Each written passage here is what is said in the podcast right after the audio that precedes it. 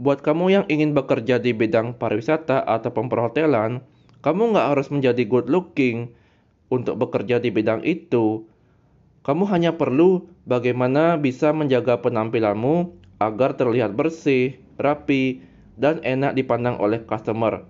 Dan sebagai tambahannya, ada tiga hal yang harus kamu ketahui untuk menjadi seorang hotelier. Yang pertama, attitude yang baik, knowledge, dan juga skills yang mumpuni.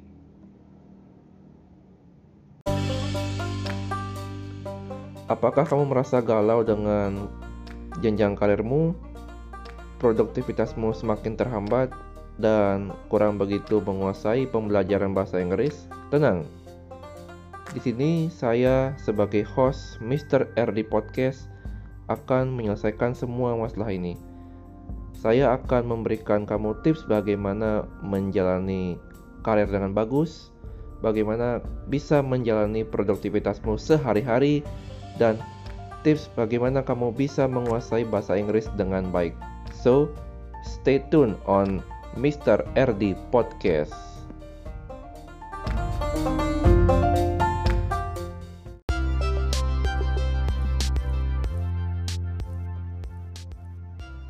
Baik, selamat pagi kepada sahabat pendengar podcast di mana pun Anda berada.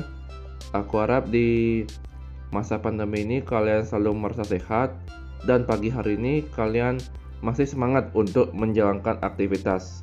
Nah, di episode kali ini aku akan membahas tentang dunia pariwisata dan perhotelan. Dan aku mendapatkan sebuah pertanyaan yang menarik yaitu seperti apakah orang yang cocok dengan jurusan perhotelan atau pariwisata melalui Quora.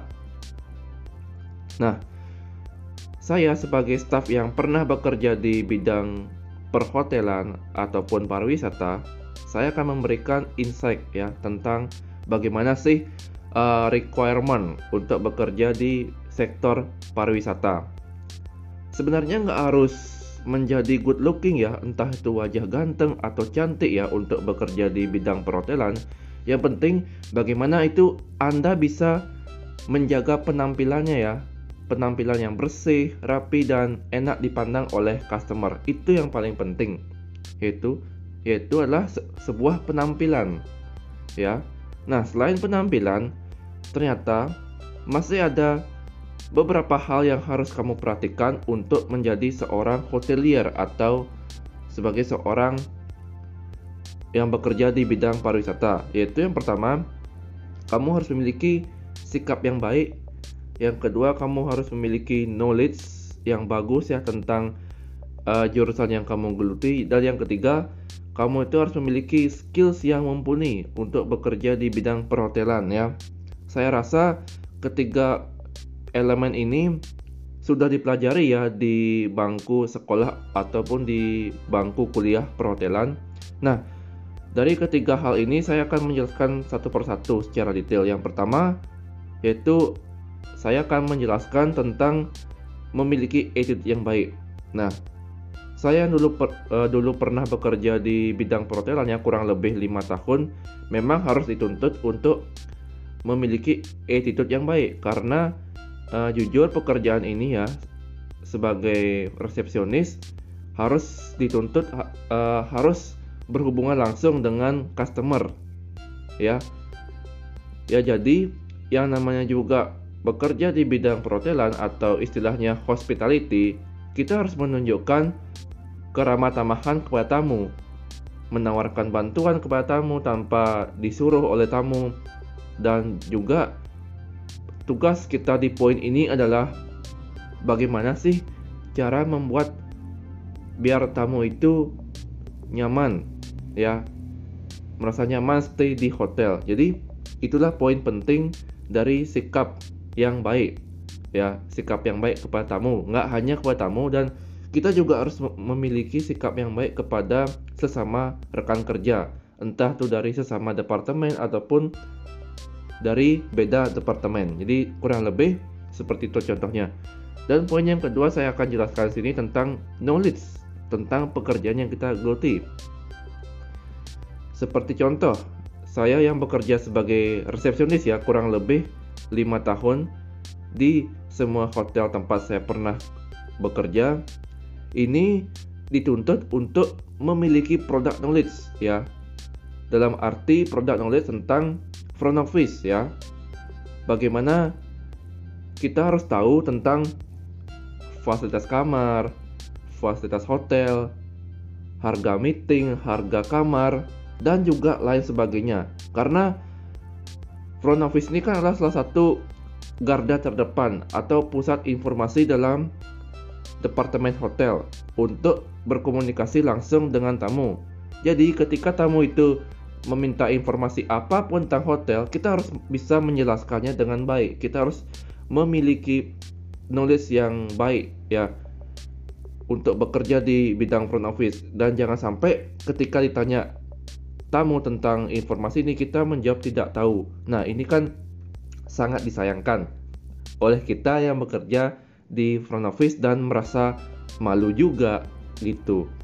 Dan selain fasilitas hotel, kita sebagai resepsionis itu dituntut juga harus memiliki wawasan di luar hotel dalam arti wawasan tentang pariwisata di berbagai daerah karena kan tamu itu aktivitasnya nggak hanya dalam hotel tapi tamu itu perlu juga melakukan refreshing di luar hotel. Ya seperti mengunjungi tempat-tempat wisata seperti misalkan contoh di Bali tentang GWK kita harus tahu bagaimana sih kondisi pariwisata di GWK dan berapa jarak kilometer antara hotel kita dengan GWK nah itu yang harus kita tahu.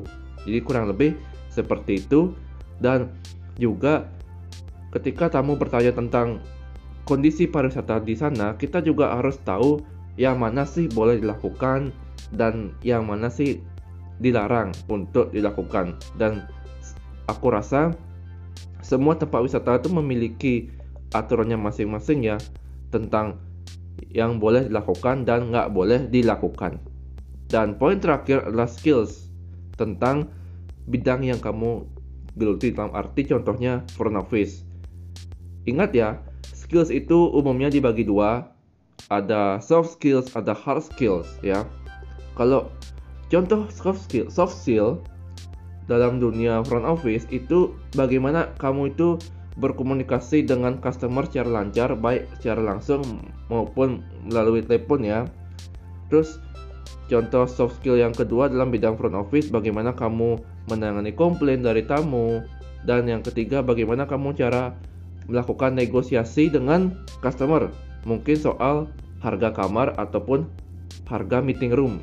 Jadi seperti itu dan hard skill itu contohnya hal yang bisa kamu pelajari di bangku perkuliahan atau sekolah. Contohnya bagaimana kamu bisa melakukan proses administrasi check-in ataupun check-out, bagaimana kamu membuat sistem laporan pada naik audit ya untuk shift malam. Dan juga bagaimana kamu harus bisa menguasai sistem reservasi yang sudah ditentukan oleh hotel. Ya. Jadi seperti itu gambarannya. Nah, inilah uh, contoh-contoh yang saya jelaskan tadi secara detail ya tentang uh, pekerjaan di dunia perhotelan dan semoga insight ini bisa membantu kamu ya untuk mengambil keputusan dalam mengambil pekerjaan di bidang perhotelan atau pariwisata. Nah, jika ingin menambahkan insight saya ini tentang perhotelan, saya sangat terbuka untuk menerimanya baik melalui DM Instagram @rdkurniass dan juga melalui channel lainnya. Dan saya mohon maaf atas kekurangan atas insight ini. Sekali lagi semoga membantu. Salam dari Mr. RD Podcast. Terima kasih.